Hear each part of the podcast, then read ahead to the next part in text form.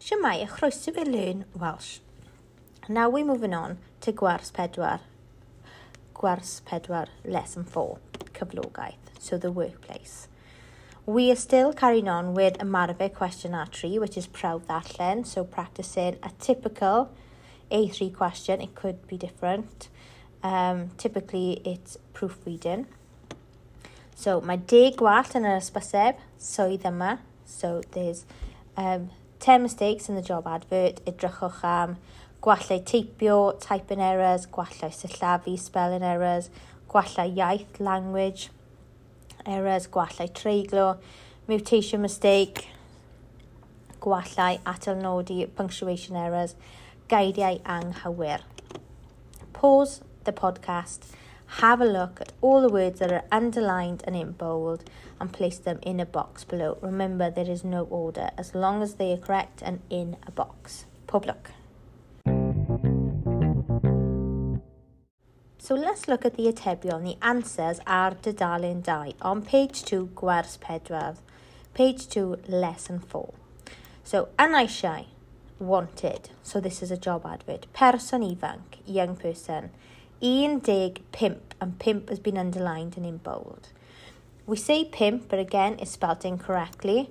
It should be P-U-M-P. Un dig saithoid.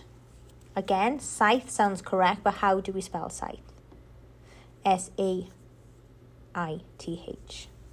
Next one, i weithio mewn siop, sgodion, so shop, that's an English word. What is shop in Welsh?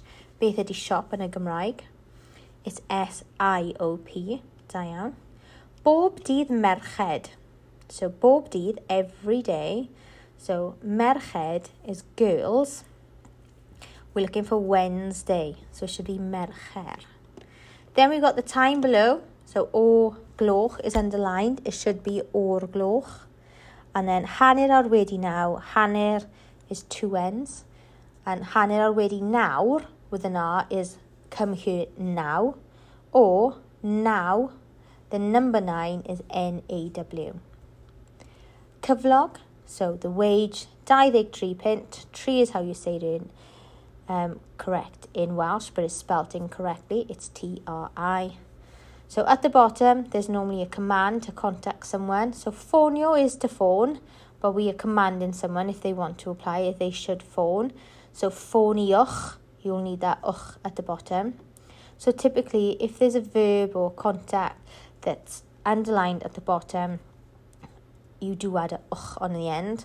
So same applies, you find the stem, removing the last vowel in this case, so phony, and then you add the ugh, phoniwch. And then um, phoniwch Jack Evans am. So am, it could mean a couple of things, but mainly about.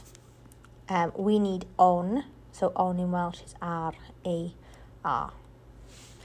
So they are the answers for tudalen 2.